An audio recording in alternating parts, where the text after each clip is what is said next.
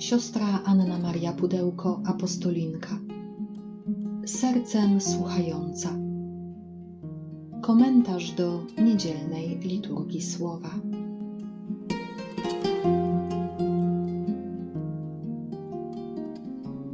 Z Ewangelii według świętego Marka.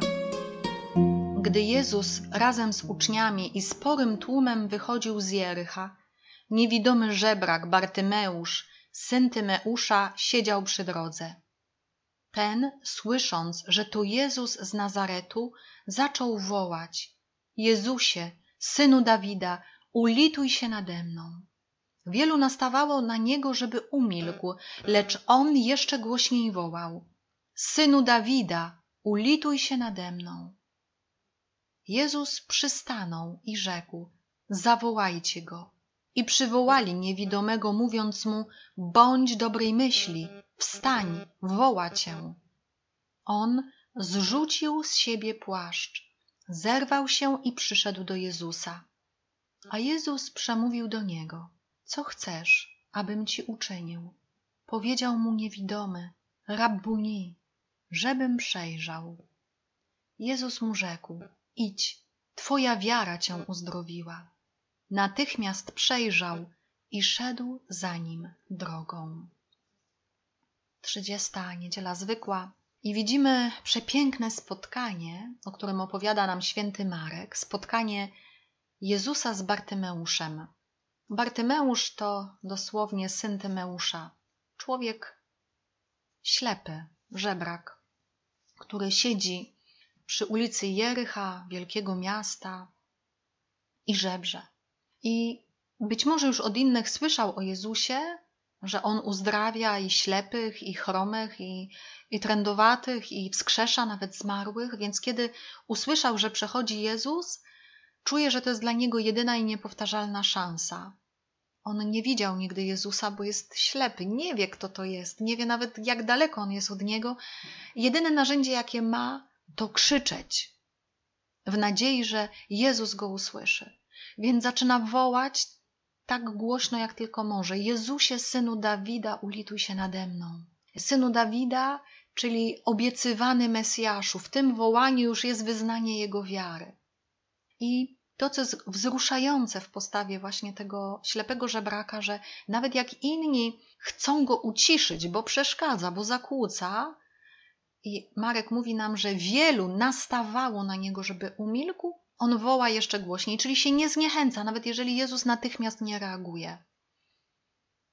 I woła do tego stopnia, że zatrzymuje Jezusa. Nasz krzyk modlitwy może zatrzymać Jezusa w drodze. Jezus woła: zawołajcie go. To też jest bardzo ciekawe. Jezus nie podchodzi do niego, nie upraszcza mu tego zadania, mógł przecież do niego podejść. A on mówi: zawołajcie go. To wymaganie Jezusa to tak naprawdę jest wymaganie miłości, która już zaczyna Bartymeusza czynić wolnym. I Bartymeusz jest zawołany, mówią mu ci z tłumu, którzy przed chwilą mówili ucisz się, bądź dobrej myśli, wstań, woła cię. I tutaj postawa Bartymeusza jest zachwycająca. On zrzucił z siebie płaszcz, zerwał się i przyszedł do Jezusa. Dla niewidomego płaszcz był jego domem, jego namiotem, jedynym okryciem w czasie nocy. To była jedyne bogactwo, w cudzysłowie bogactwo, które posiadał. I w tym momencie Bartymeusz rezygnuje ze swojego ostatniego zabezpieczenia dla Jezusa. Jest całkowicie ubogi. Zostawia swój płaszcz, zostawia swoje bogactwo, swój, swój dom, swoje poczucie bezpieczeństwa, zrywa się na nogi i przychodzi do Jezusa. Nie wiemy, czy ktoś mu pomógł, czy szedł e, właśnie tak e, na chybił trafił, może nawet potykając się o innych. Może był właśnie w tym wszystkim taki śmieszny, ale dla niego to nie jest ważne. Co inni powiedzą, czy nawet potknie się po drodze. Najważniejsze, że Jezus go woła. I to pytanie, co chcesz, abym ci uczynił? I kolejne wyznanie wiary, cudowne wyznanie wiary, Rabbuni, żebym przejrzał. Rabbuni, czyli dosłownie mój nauczycielu. I to pokazuje, że Bartymeusz ma już jakąś więź z Jezusem. Być może gdzieś słyszał e, jego naukę, być może ktoś mu ją powtórzył, więc e, Jezus nie jest dla niego kimś obcym, Jezus jest dla niego kimś bliskim. Jezus odpowiada mu: idź, Twoja wiara cię uzdrowiła. To też jest niesamowite, że Bóg może czynić dla, dla nas cuda na miarę, na miarę naszej wiary. I teraz dzieje się najpiękniejsza rzecz. Bartymeusz otwiera oczy i pierwsza rzeczywistość, jaką widzi, to miłujące spojrzenie Jezusa na niego. On stoi twarzą w twarz ze swoim Zbawicielem, ze swoim Mistrzem, z Synem Boga Żywego. Natychmiast przejrzał. I co czyni Bartymeusz? I szedł za nim drogą. To nie były puste słowa, kiedy mówił Rabbuni, mój nauczycielu. On jest gotowy stać się uczniem Jezusa. Ta Ewangelia w czasach pierwotnego Kościoła była Ewangelią opisującą proces przemiany katechumena, który przygotowywał się do chrztu i który z tej niewiedzy, z tej ślepoty, niewiary dochodzi do spojrzenia na Jezusa i odkrywa, że jest on prawdziwie, prawdziwie Synem Bożym. Pierwsze czytanie e, jeszcze bardziej ukazuje nam też w nawiązaniu do Ewangelii właśnie to Boże miłosierdzie, to Boże zbawienie, które Bóg udziela e, swojemu narodowi. To mówi Pan. Wykrzykujcie radośnie na cześć Jakuba, weselcie się pierwszym wśród narodów, głoście, wychwalajcie i mówcie: Pan wybawił swój lud, resztę Izraela. Oto sprowadzę ich z ziemi północnej i zgromadzę ich z krańców ziemi. Są wśród nich niewidomi i dotknięci kalectwem. Kobieta brzemienna wraz z położną powracają wielką gromadą. Oto wyszli z płaczem, lecz wśród pociech ich przyprowadzę. Przywiodę ich do strumienia wody równą drogą. Nie potkną się po niej. Jestem bowiem ojcem dla Izraela, a Efraim jest moim synem pierworodnym. Prorok Jeremiasz opisuje tutaj powrót reszty narodu wybranego z wygnania z niewoli babilońskiej. To jest dzieło Boga. Bóg sam przygotowuje tą drogę powrotu, drogę bezpieczną, drogę prostą, drogę, gdzie znajdą wodę, gdzie znajdą pokarm. I Bóg jest tym, który jest ojcem. I sam mówi o sobie: Jestem bowiem ojcem dla Izraela, a Efraim jest moim synem pierworodnym. I także w naszym życiu Bóg przygotowuje drogi powrotu, drogi powrotu do Niego, ale też drogi powrotu ku miłości, wszędzie tam, gdzie nasze więzi z bliźnimi zostały nadwyrężone czy zerwane. Więc niech to słowo dzisiejsze będzie dla nas takim słowem nadziei, słowem radości, że Pan przygotowuje nam możliwości powrotu w różnych płaszczyznach naszego życia. Ważne jest tylko, żebyśmy pozwolili się Mu poprowadzić. I Psalm 126 właśnie opisuje tą radość powrotu. Gdy Pan odmienił los Syjonu, wydawało się nam, że śnimy. Usta nasze były pełne śmiechu, a język śpiewał z radości. Mówiono wtedy między poganami, wielkie rzeczy im Pan uczynił. Pan uczynił nam wielkie rzeczy i ogarnęła nas radość. Odmień znowu nasz los, o Panie, jak odmieniasz strumienie na południu. Ci, którzy we łzach sieją, rządź będą w radości. Idą i płaczą, niosąc ziarno na zasiew, lecz powrócą z radością, niosąc swoje snopy. Te wielkie rzeczy, które Pan uczynił dla narodu wybranego, były tak wielkie, że nawet poganie byli zadziwieni i zaczynali chwalić Boga.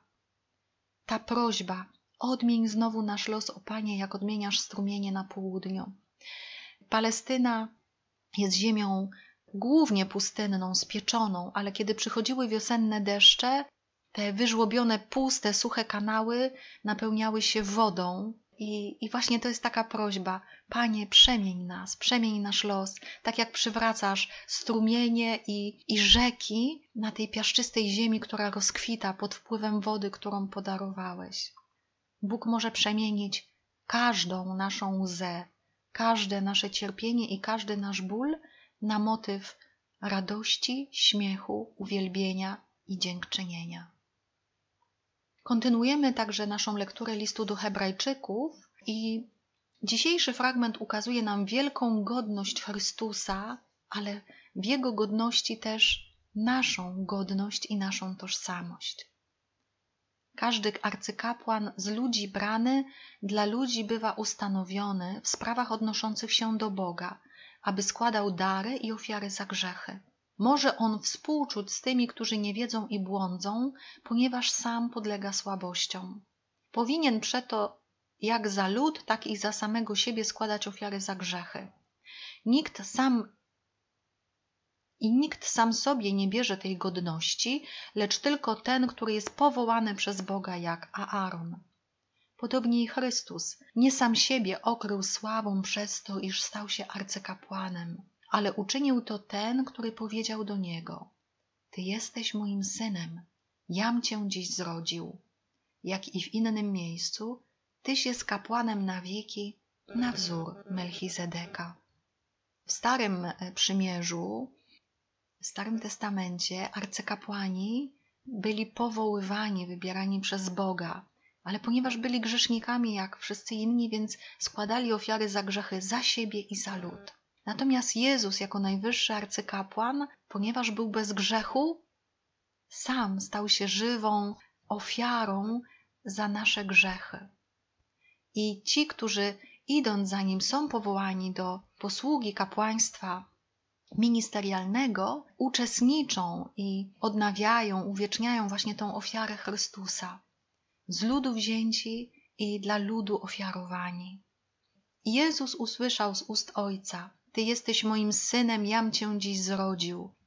Tyś jest kapłanem na wieki na wzór Melchizedeka. Także nam Bóg pragnie objawiać, kim jesteśmy w Jego oczach. Ale aby to usłyszeć, potrzebujemy budować pełną bliskości i ufności więź z Nim. I w tym pomagają nam kapłani. Dzisiaj w sposób szczególny pomódlmy się za kapłanów, za tych, którzy nie biorą tej godności sami z siebie, ale są wybrani przez Ojca, aby mogli współczuć innym i aby do Boga ich prowadzić. Za tych kapłanów, którzy żyją w świętości życia, aby byli wierni i aby radośnie głosili nam Ewangelię. Za tych, którzy przeżywają jakieś trudności, czas pokus, cierpienia, choroby, aby mogli w tym wszystkim wytrwać i przylgnąć jeszcze bardziej do Chrystusa. Ale pamiętajmy też za kapłanów, którzy gdzieś się pogubili, którzy żyją w niewierności swojemu zobowiązaniu, o łaskę nawrócenia, o łaskę przyjęcia na powrót Bożego miłosierdzia i trwania w Bożej miłości dla nich.